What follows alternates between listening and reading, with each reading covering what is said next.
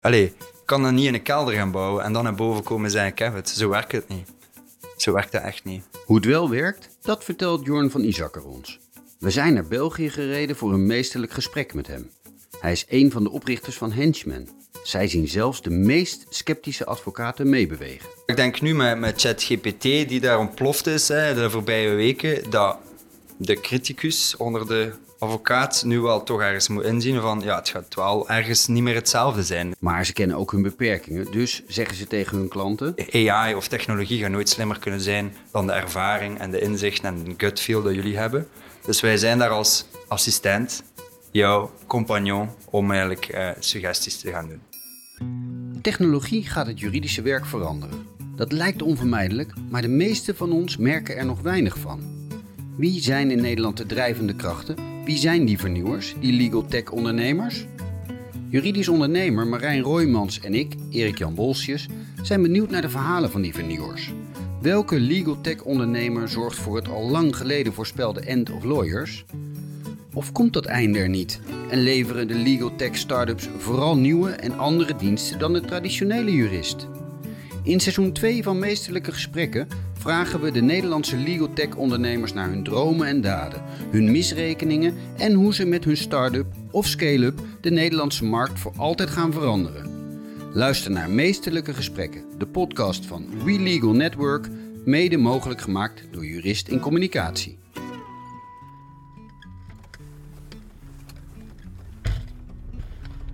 Henchman. Het zit in België, daar gaan we ook heen. Leuk Marijn. Ken jij ze, Erik-Jan? Ja, van online. Ze zijn wel hip. Ik zie ze op LinkedIn langskomen, maar persoonlijk niet, nee. Ja, ik vind het mooie marketing die ze bedrijven. Maar ik ken ze niet. Dus ik ben wel nieuwsgierig. Maar je weet wel wat we gaan horen ongeveer, of wat je wil horen. Ja, volgens mij wat, wat interessant is aan ze, is dat zij echt op een start-up manier die markt bestormen. Hè. Dus ze halen veel geld op, groeien heel hard, timmeren kaart aan de weg. Dat is echt wel een ander geluid dan wat we gehoord hebben van de andere ondernemers die we ontmoet hebben nu. Echte ondernemers. Ja, echt ondernemer, ja, echt start-up style. Oké.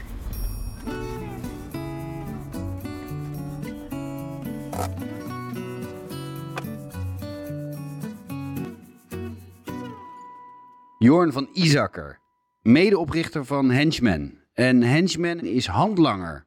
Ja. Ik ben wel benieuwd naar die naam. Kun je daar eerst iets over zeggen?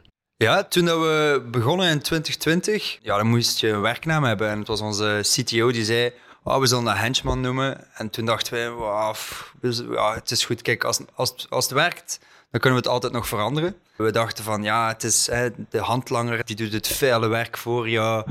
Het is eh, jouw trouwe compaan. En dan, het stak. En vandaag is het wel iets dat inderdaad sommige mensen de wenkbrauwen doen fronsen. En zo zeker in de juri- juridische sector. Handelaar is een eh, slecht nieuws eigenlijk. Ja, als ik het nu vertel van ja, het, het doet het vuile werk voor jou, eh, dan eh, zeggen de mensen wel van ja, het is tof. Ja, hij, hij- want, want Henchman lost echt iets voor je op. Absoluut. Knap, knap klusjes op. Absoluut. Nou, dan moeten we het toch daar eerst even over hebben. dat wil We je gaan- graag, hè? Jij wilt het Ja. over, producten hebben. Nou ja, ik vind het interessant, want ze zijn, we, we hebben het over legal tech, over Ja. vernieuwing in de juridische sector. Absoluut. En ik denk de mensen waarvoor wij het echt anders aan het maken zijn, zijn de mensen, de advocaten die complexe contracten negociëren en opstellen, hè, draften. Ja. Ehm, en de uitdaging dat die volop mee, mee bezig zijn is van ja, oh, verdomme toch, ik heb dat ooit al een keer geschreven. ehm, dat, die clausule, waar staat die nu weer? Gaan die heel veel contracten, heel veel folders gaan open doen. Op zoek naar die ene clausule die ze ooit hebben geschreven. Hè? En als dat dan niet lukt, dan storen ze een collega, die dan weer door dat hele proces moet gaan.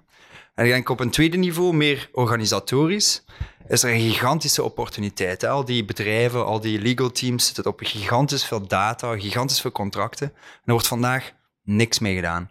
Hè, niemand die wij spreken, die weet bijvoorbeeld van ja, welke clausule komt het meeste voor in welk contracttype. Of welke van die clausules heeft een eh, monetary threshold bijvoorbeeld. Hè. Maar dus ja, Ja. Henchman-gebruikers wel. En dus Henchman, wat, doet, wat doen wij? Wij gaan, gaan connecteren met je database. En waarom is dat voor ons zo belangrijk? Is omdat een advocaat, dat zijn in mij, bij mij weten de meest druk bezette mensen die ik ooit heb gekend. Die werken zo lange uren. Die zijn eh, ook, ja, technologie hebben ze vaak ook niet echt veel tijd voor gehad. Dus het moet simpel zijn. Het moet makkelijk gaan. En Henchman bestaat uit drie elementen. Hè. In eerste instantie koppelen we met je database. plug and play. Niet zoals een marketingpraatje, maar effectief gewoon. We koppelen, we herkennen al je contracten. En we gaan alle clausules en definities gaan isoleren, gaan dedupliceren. En we maken die doorzoekbaar in jouw vertrouwde omgeving. Hè. In de meeste gevallen is dat Microsoft Word. Ehm, en dus daar kunnen zij dan drie dingen doen. Zij kunnen ofwel gaan zoeken naar clausules die ze in het verleden hebben gedaan. Gaan reviewen van, oké, wat ik hier nu heb, hoe vergelijkt zich dat ten opzichte van mijn database?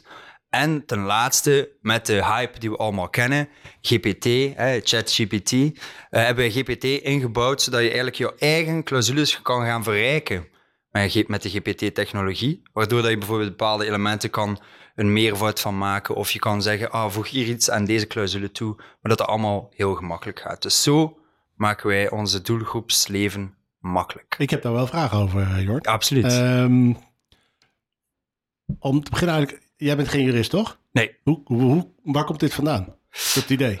Um, wel, twee zaken. Enerzijds, toen we ons bedrijf verkocht hadden, zeiden Gilles en ik van... Ah, het volgende dat we doen moet echt een must-have product zijn. Maar echt een pijn oplossen voor veel mensen. Uh, moet gefocust zijn. Ik denk dat heel veel ondernemers te veel willen doen ineens. Uh, en dat we toen aan de hand hebben ondervonden van probeer gewoon één iets heel goed te doen. En maar hoe kom je dan bij de juridische markt uit? Ja, wel, toen had... Uh, die advocaten die hebben geen pijn, hè? die hebben het alleen maar druk. ja, die hebben het inderdaad alleen maar druk. Toen was het uh, Gilles die toen de sales deed en die heel veel RFP's, tenders, aanbestedingen moest invullen. En vaak de antwoorden die je geeft op een vraag zijn vaak gelijkaardige vragen bij volgende tenders. En toen speelde hij met het idee, waarom niet een soort van ja, platform maken dat heel gemakkelijk vorige tenders kan scrapen. Voor, jullie, voor jullie zelf toen nog? Ja, toen. En dan ja, dat, je, dat verkoopt aan sales teams. En toen waren we gaan lunchen met de advocaten die ons begeleid hadden in het acquisitieproces. En we beschreven, Aijou beschreef toen dat idee. En toen zeiden ze, maar guys, dit is wat wij op dagdagelijkse basis doen. Als jullie dat kunnen oplossen voor advocaten, dan heb je goud. Okay. En toen, die dag, is ons idee gewoon gepivoteerd. Ja, snap en ik. Henchman is uh, het gevolg. En dan heb ik nog een vraag, want jullie werken op basis van de database van een bestaande database van een kantoor. Maar als ik nu een kantoor begin, heb ik die database nog niet. Nee, dat is een, een terecht punt. En dus uh, in de praktijk is dat echter niet zo. Uh, heel vaak gaan advocaten contracten meenemen van... Ze hebben allemaal zo'n harde schijf in hun binnenzakje. Ja, niemand zal het toegeven, maar ik denk dat iedereen wel zo stilzwijgend knikt en zegt ja, dat gebeurt. De, de sweet spot voor ons is echt zo kantoren van 20, 50 begint dat en dan tot 500.000 en zo verder. Uh, maar dat is het echt voor onze sweet spot qua ja, de pain en, en laten we zeggen de impact op de hele organisatie die we hebben, doordat heel de knowledge base inzichtelijk wordt. En is dit in het Nederlands? Of is dit in het Engels? Of kan dit ook in het Swahili? Ja, het bij Swahili hebben we nog niet getest. Ah. Moeten we zeker eens doen. Maar nee, we hebben nu klanten in 15 landen. De manier, ik denk dat is ook een beetje onze secret sauce, hè, onze geheime saus, is uh, de manier waarop dat wij naar contracten kijken en die verstaan, is ook een waardoor dat we heel gemakkelijk tussen talen kunnen switchen. Uh, er is heel weinig uh, ja, no nodig van onze engineers om eigenlijk een nieuwe taal toe te voegen. Heel weinig. The sky is the limit. Sky is the limit, ja. Uh, volgend, dit jaar dus eigenlijk, 2023, wordt het Verenigd Koninkrijk en de Verenigde Staten worden belangrijke regio's voor ons. Wow. Um, en ja, we, we, we, zijn echt benieuwd. Hoe pak je dat aan? Jij zegt, ik ga Engeland veroveren. Ja, in, in ik, voel, ik voel helemaal spanning. in het verleden deden we dat effectief door ja, daar een kantoor te openen, uh, mensen te zoeken. Maar dat is echt een zeer kostelijke affaire, gelijk dat we ja, in Vlaanderen duur, zeggen. Het is echt heel duur. En tegen dat je daar een return on investment van hebt, ben je pff, een jaar en een half zeker verder. Uh, ik denk dat we daar geleerd hebben uit de fouten van, uit het verleden. Uh, en ook, ja, er heerst alom tegenwoordig een niet grow at all cost uh, verhaal binnen de tech scene. maar dus nu proberen we alles, nu alle verkoop die we doen, is ook al virtueel. Hè? Dus alle deals die we al gedaan hebben, zijn virtueel gebeurd. Eens dat de deal dan rond is, dan gaat ons customer success team al eens ter plaatse enzovoort. Maar dus we proberen het wel lean en mean aan te pakken. Dus zo gaan we ook de UK en, uh, en de US doen. Maar bijvoorbeeld het US-team vertrekt volgende week voor een beurs in Chicago bijvoorbeeld. Dus dat, dat doen we dan wel, hè. Uh, dus uh, lokale beurzen. Maar dus, dus heel veel ja, inzichten en ervaringen van in het verleden proberen te projecteren naar de toekomst. In het verlengde van de, voor, van de vorige vraag, Jorn, je hebt natuurlijk ook heel veel databases waar veel bagger in zit. Ja, hè? absoluut. Garbage in, garbage out. Ja, inderdaad. Hoe, hoe dan? Ja, Hoe ga je dat, hoe ga je dat tackelen? dat is, dat is een eh, goede vraag. Eh, dus het, de, de opzet van Henchman is dat er geen voorbereidend werk moet gebeuren van de klant. Nee, precies. Dus, dus je krijgt alle clausules Inderdaad, hè, elkaar. er staan je familiefoto's in en eh, je plannen van je renovatie staan op je database, alles staat ertussen. Dus dat is net de, de, de kunst geweest, daarom dat de leercurve voor ons wel een jaar, jaar en een half is geweest voor het product te bouwen, om echt te gaan verstaan wat moeten we eruit halen en wat moeten we laten liggen uit de database. En eh, dus ja, vandaag met een accuracy van ongeveer 85, 90 procent herkennen wij alle contracten. Soms zal er wel eentje niet meekomen, eh, maar dat is ook om Ja, dat je je niet hebt alles... in, be- ook in clausules, hè, in, in, corporate contract heb Ja. je dat, dat er besloten wordt van deze, deze terms accepteren we niet meer, of dit doen we Ja. nog wel, of dit doen we wel. Ik heb in onze eigen organisatie maken we elk half jaar wel nieuwe contracten. Ja, En dan haal ik die oude zoveel mogelijk van de server, want die worden anders gekopieerd en hergebruikt. En dat, Maar dus dus, eh, dat is een terecht punt. Dus bij, laten we zeggen dat jij nu klant wordt, hè, je tekent. Ja. Dan ga je met het customer, eh, customer success team samen zitten en gaan ze samen met jou kijken. Oké, wel de- welke folders wil je echt helemaal niet meenemen? Hè? Zeker niet dat er iets van meekomt, bijvoorbeeld HR-materie. Eh, of vanaf welke datum is het echt wel niet meer nuttig. ja, op die manier. Dus en dan je- gaan wij dus eigenlijk dan pas koppelen vanaf die datum dus en vanaf die dingen. Ja, en nu Ja. zijn we ook eh, bezig met, ja, er zijn labels, hè, maar dat moet je nog manueel toevoegen. Maar nu zijn we echt aan het kijken, hoe kunnen we slim labels gaan toevoegen? Bijvoorbeeld, kunnen we gaan herkennen welke contracten gesigneerd zijn? Kunnen we daar die informatie meegeven binnen een henchman van, kijk, filter op alleen gesigneerde contracten, hè, clausules die uit gesigneerde contracten komen. Dus dat soort zaken proberen we echt continu erin te steken, zodat we ja, best of class blijven hè, binnen, in de, binnen in ons segment. Bijvoorbeeld, wat dat het volgende is en wat dat dit jaar echt mag verwachten, is dat je gaat kunnen zien van oké, je zit in een share purchase agreement, hè, je hebt die open. Wel, wij verstaan jouw database. Dus wij gaan kunnen zeggen, wauw, Marijn, we zien dat in 90% van je share purchase agreements in je databank zit deze clausule erin. Die zit er nu niet in. Wil je die graag eens gaan bekijken? En dus zo data-driven willen wij jou gaan nudgen. We willen nooit als henchman gaan zeggen, jij moet dit nu doen. Want wij, AI of technologie gaan nooit slimmer kunnen zijn dan de ervaring en de inzicht en de gut feel dat jullie hebben. Dus wij zijn daar als assistent, jouw compagnon, om eigenlijk eh, suggesties te gaan doen. Dat is hoe dat we daar naar kijken. En daarmee is jouw vraag, eh, is die database goed genoeg eh, Nou, ik, ik, opgelost? ik, ik snap wel hoe je dat probleem tackelt.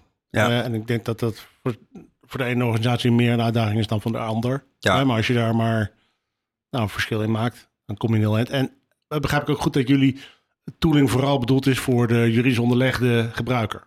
Ja. Niet voor sales Nee, zelf. absoluut Sales niet. mag er niet aankomen. Nee, nee. Dus echt enkel voor... We gaan typisch eh, complexe... Dus advocaten die complexe contracten draften. Daar vind je heel vaak in M&A, real estate, eh, departementen van law firms. Hè. Ja. Litigation is een, is, een, is een afdeling die we vandaag veel minder bedienen. Of zelf niet, hè, maar we zijn er wel aan het werken.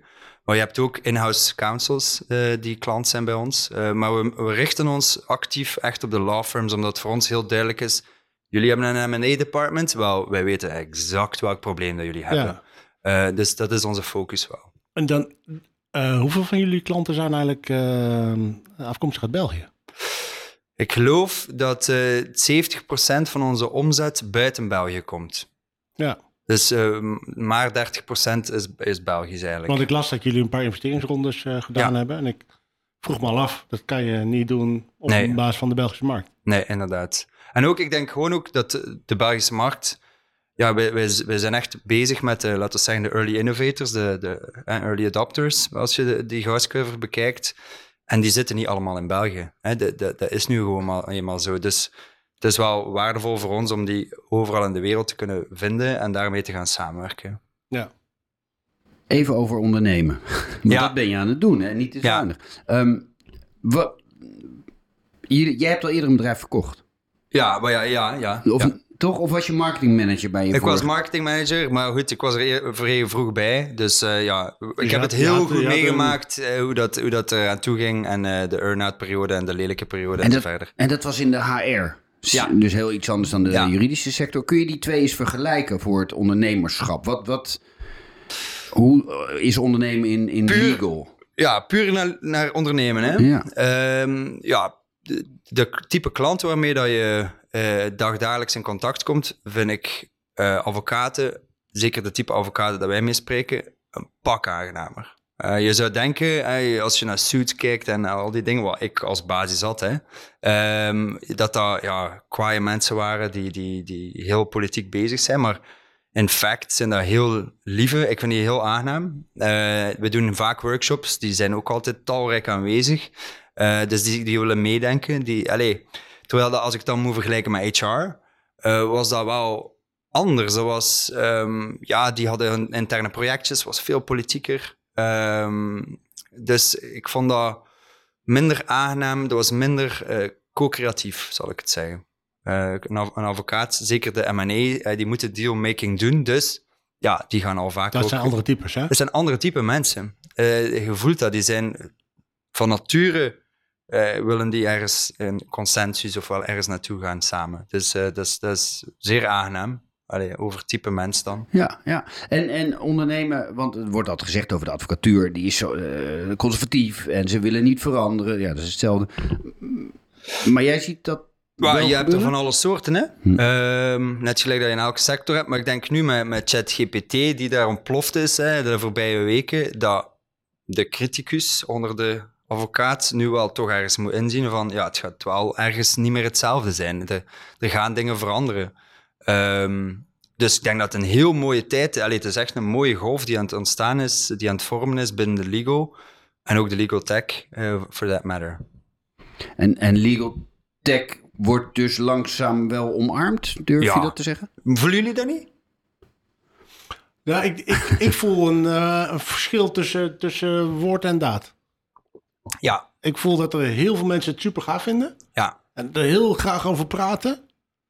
Maar als het dan op toepassen aankomt, Ja, mwah, ja. dat valt ja, me wel ik mee. denk, denk dat we dat ook hebben. En ik denk dat wij ook een beetje de mindset hebben van, kijk, die zijn er vandaag nog niet klaar voor, maar dat zijn wel de mensen die binnen een jaar gaan kopen of klant worden of met ons gaan Ja. werken.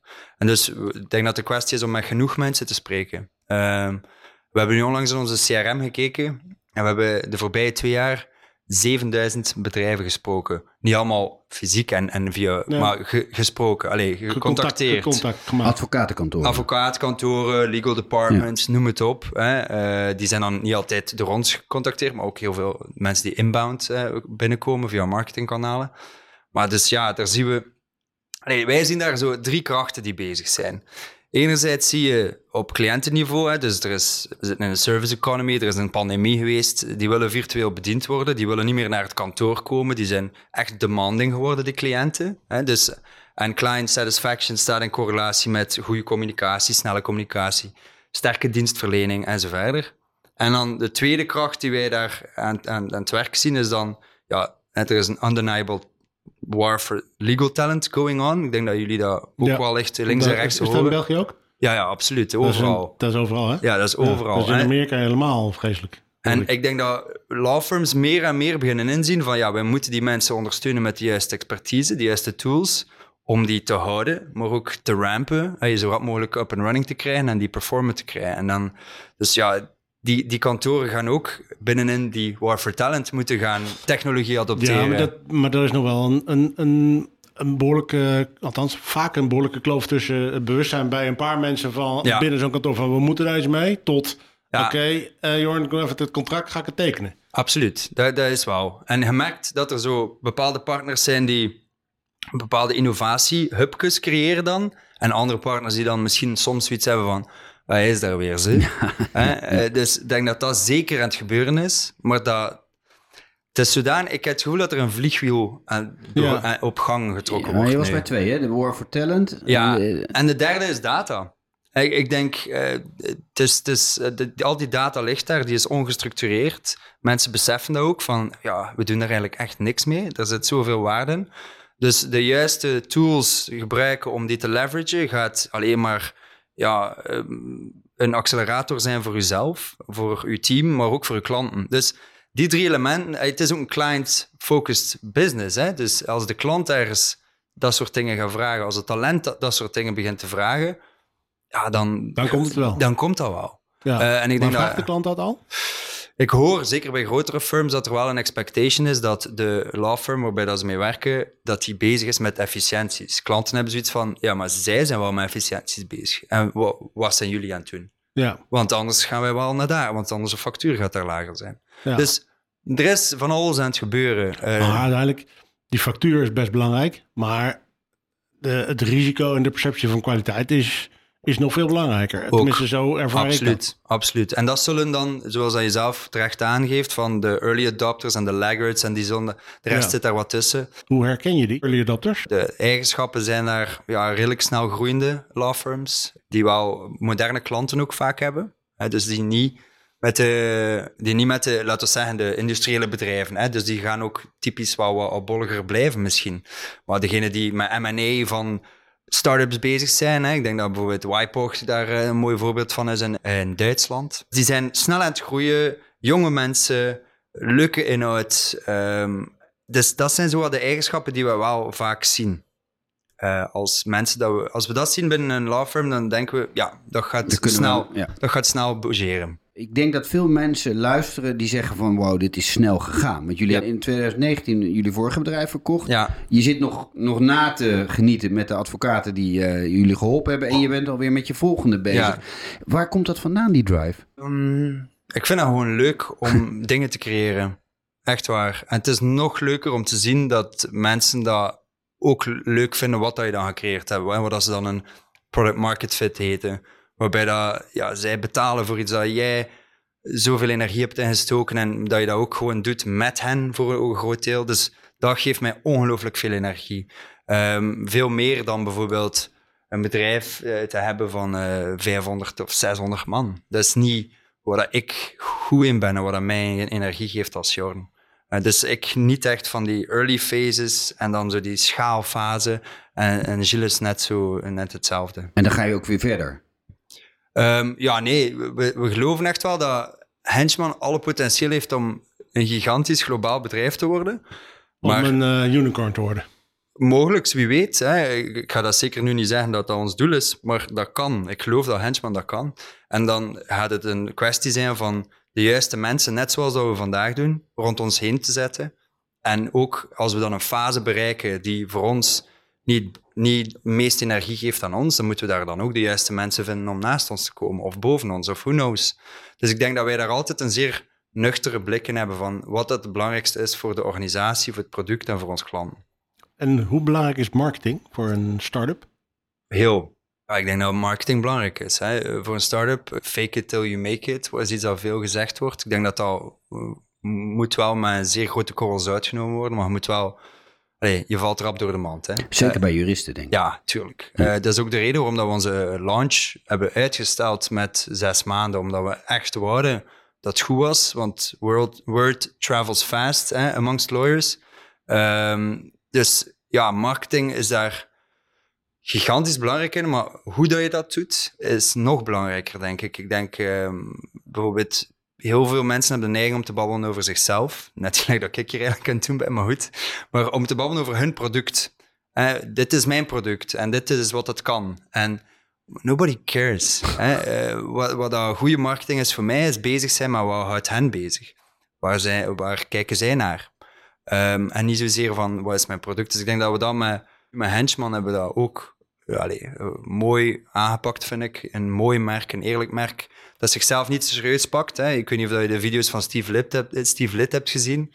Ehm, dat is onze, laten we zeggen, imaginaire jurist. Eh, je moet zeker de video's checken op de website. Ehm, geïnspireerd van Lewis Litt van, eh, van Ja. Suits. Ehm, maar dus ja, ja, als je die video ziet, dan voel je direct...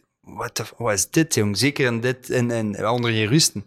En ik denk dat da- al die elementjes ervoor gezorgd hebben dat we een merk hebben kunnen creëren dat zichzelf niet te serieus pakt, maar haar product wel. En sales? Sales is ook superbelangrijk. Ehm Daar een verhouding tussen aan te geven? ik ben heel hard tegen de verzuiling tussen sales en marketing. Ik denk meer en meer marketeers en sales beginnen dat nu ook in te zien, maar ik zie marketing als een een ondersteuning, de Air, air Power, hoe zeg je dat? De Air Force voor Mhm. sales. Jorn vertelt dat marketing vaak leads moet genereren, maar voor hem is het veel belangrijker dat ze echt de pijplijn van sales vullen. Wij willen graag meer weten over de dingen die misgaan in de ontwikkeling van het bedrijf. Heeft er wel eens gedacht, dit gaat verkeerd? Ja, een paar keer. Wat gebeurde er? Ehm, ik denk zo de eerste, het eerste prototype was in de zomer van 2020 dat we dat in de handen hadden gestoken van een paar advocaten. Dat werd heel crappy, maar dat was ook de bedoeling. Hè? Dan voel je van, heb je een product solution fit, hè? de fase voor de product market fit. En dan eh, zijn we met, hebben we eigenlijk de confidence gehad om toen onze eerste convertible loans op te halen. Hè? Dus eh, bij, bij de vroegere investeerders. En dan een klein engineering team aan te nemen. Hebben we daar dan eh, een eerste ja, V0, V0,5 bijna van ons product gemaakt. Ehm, en dan hebben we in juni 2021 Henchman gelanceerd. Hè, van wie zijn we dan? En toen hebben we een paar integraties gedaan met databases. Hè, dus niet met betalende klanten, maar ook met testers. Ehm, en toen voelden we van, ah, nee, we're looking at it the wrong way. Hè? Dus ik denk dat, van hoe, hoe dat we naar contracten kijken. En dat is ook deel van, van waar dat die secret sauce vandaan Ik komt. wou net hè, zeggen, nu ja. komt hij. Nee. Nee. en, dus, en, en dus hebben we dan de, moeten de, de moeilijke beslissing maken in juni om eigenlijk zes maanden, eh, terwijl dat de runway, hè, dus het geld op de bank, niet super lang meer was, hebben we dan de moeilijke beslissing moeten maken van ja, oké, we gaan vijf, zes maanden gaan refactoren, heet dat, dus de backend helemaal opnieuw gaan bouwen, in de hoop dat we het allemaal juist hebben geanalyseerd en juist ingeschat en dat het dan wel zal werken. En dat zijn wel moeilijke maanden, eh, maar, het was, ja, Want je had in juni 21 dacht je iets, of in, in mei 21 dacht je we zijn er. ja. Nee, dat, dat was nooit het idee. Het idee was, we hebben een mooie, laten we zeggen, MVP-achtig iets. We zoeken testcompanies. Hè? Ehm, en en dat, was, dat was de fase. Dus we zaten daar wel redelijk open in. En we wisten, er moet geïtereerd worden. Hè? Dat is logisch, dat je kleine tweaks doet aan het product, zodat het uiteindelijk beter wordt. En we wouden pas gaan invoicen de moment dat we voelden, oké, dit werkt, onze klant is content, nu gaan we pas factureren. En wat dat dan uiteindelijk maar gebeurd is in eh, maart, maart 2022. Een jaar geleden. Ja, maart 2022 zijn wij onze eerste eh, facturen beginnen sturen, omdat we dan al zoiets hadden van, ja, nu is het goed, nu werkt het, nu Had klopt je dat het. van tevoren afgesproken met die eh, testende klanten? Ja, van Ja. zolang dat jullie niet tevreden zijn, dan sturen wij geen factuur. Omdat wij wouden met hen dat product bouwen. Zonder hen komen we dat niet... Allee, ik kan dat niet in een kelder gaan bouwen en dan naar boven komen en zeggen, ik heb het. Zo werkt het niet. Zo werkt dat echt niet. Voor de eerste klanten werkt dat niet zo. En daarna wel, neem ik aan. Nu, nu Nee. ga je met iets wat klaar nu is. nu Nee? zijn we continu altijd bezig met onze klanten. Marijn vraagt of er ook juristen bij Henchman werken, want over legal tech wordt vaak gezegd dat je moet aansluiten bij de deskundigheid van je klanten. Dat snapt Jorn, maar Waar wij heel goed in zijn, is goede tech bouwen. En ik zie heel veel juristen die tech willen gaan bouwen, maar dat dan mm, ja, doen op een manier die totaal niet gebruiksvriendelijk is. Dus wij zijn ons bewust van, laten we zeggen, hè, dat, dat gemis, maar wij lossen dat op door heel dicht bij ons klant te staan. Ja. En er continu mee samen te zitten. En zo raak je ook niet vast in een tunnelvisie. Hè. Je moet echt verliefd worden op het probleem en niet op, het, op de oplossing. Jorn duikt nog wat verder de techniek in. Hij vertelt hoe ze nu databases met miljoenen contracten aankunnen. Dat ze meer diensten gaan ontwikkelen, zoals initiatie en het reviewen van contracten. En dat ze ook buiten Word kunnen werken. Om te kunnen doorontwikkelen hebben ze nieuwe funding opgehaald. Waar wordt het geld nog meer voor gebruikt? Maar in de meantime blijven wij wel echt zoeken naar wat is ons volgend product in 2025. Hè. Eh, En, en wat ik me de hele tijd door mijn hoofd schiet ook is, kan niet, eh, wat jullie doen in anderhalf jaar, eh, hoeveel concurrenten zijn dit ook aan het bedenken? we, we zijn daar continu wel mee bezig van wat is een bedreiging, wat niet. Concurrentie is op zich niet slecht. Ik zie de toekomst wel echt helder en, en mooi in voor eh, legal en legal tech. Ik denk dat het echt wel een ja, emerging eh, segment is. Ja. En, en lig je er ook wel eens van wakker? Er zijn er ook ochtenden dat je denkt, oh, Ja, Ja, wat ik- is het moeilijk? Ik denk eh, dat ik eh, de voorbije, allee, de, die, de geld ophalen in dit macro-economisch klimaat was wel eh, iets wat mij veel slapeloze nachten Ja. heeft bezorgd. Maar dat was wel pittig, ja. Daar heb ik wel eh, redelijk van wakker gelegen. want daar hangt het wel op. Je, je hebt extern geld nodig. Ja, dat is hoe, dat, hoe, dat, hoe dat ons model werkt, hè, SaaS. Ehm, ja, je moet ergens een put graven om, om die future revenue te kunnen gaan halen. En zo profitability wel mogelijk moeten zijn, mocht dat... uh, wanneer, wanneer is die voorzien, die profitability? Dat zou kunnen binnen, uh, binnen, ja, binnen twee, drie jaar. Allee, twee, nee, twee is te vroeg. Pakt Mochten we willen profitable zijn, dan binnen drie jaar zitten in een mooie positie om dat te, om dat te kunnen doen. Waarom twee, drie jaar nog? Maakt niet uit. Ja, mijn moeder zou het, hetzelfde zijn. Dus, ja, uh, dus dat is toch niet jouw geld? Ja, nee, ja. Je hebt het toch geleend? Nee, maar dat is, dat is een terechte opmerking. Hè? En ik denk, wat dat, wat dat zeker mogelijk is, eh, een andere manier van groeien is zeker mogelijk, waarbij dat we met, met drie uh, met drie founders op ons gemak uh, verder proberen business binnenhalen en zo groeien. Dat is zeker mogelijk, maar er zijn ook maar ja, downsides aan. Hè? Dus downside is, ja, de grote firms die gaan hier op met je mee in zee gaan. Want ja, oeh, jullie zijn met drie. En wat met dat en wat met security. Dus puur naar perceptie toe. En, en waar je mee bezig kan zijn, zijn de security wordt niet serieus genomen. En de tweede downside is dat je totaal niet zo snel kan gaan. Ja. Hè? Dus jouw concurrent zal sneller gaan als hij meer geld heeft en meer personeel en de goeie, het goede personeel en de goede mensen. Um, en, en een goed product, hè, dat is uiteindelijk wel de bedoeling. Dus, um, Voor die snelheid ja, heb je gewoon. Die bijvoorbeeld nu het team dat wij nu hebben vandaag, dat is een groot team. Ik denk dat we nu met 32 zijn. Dat is wel het team die er ongeveer volgend jaar ook nog zal zijn.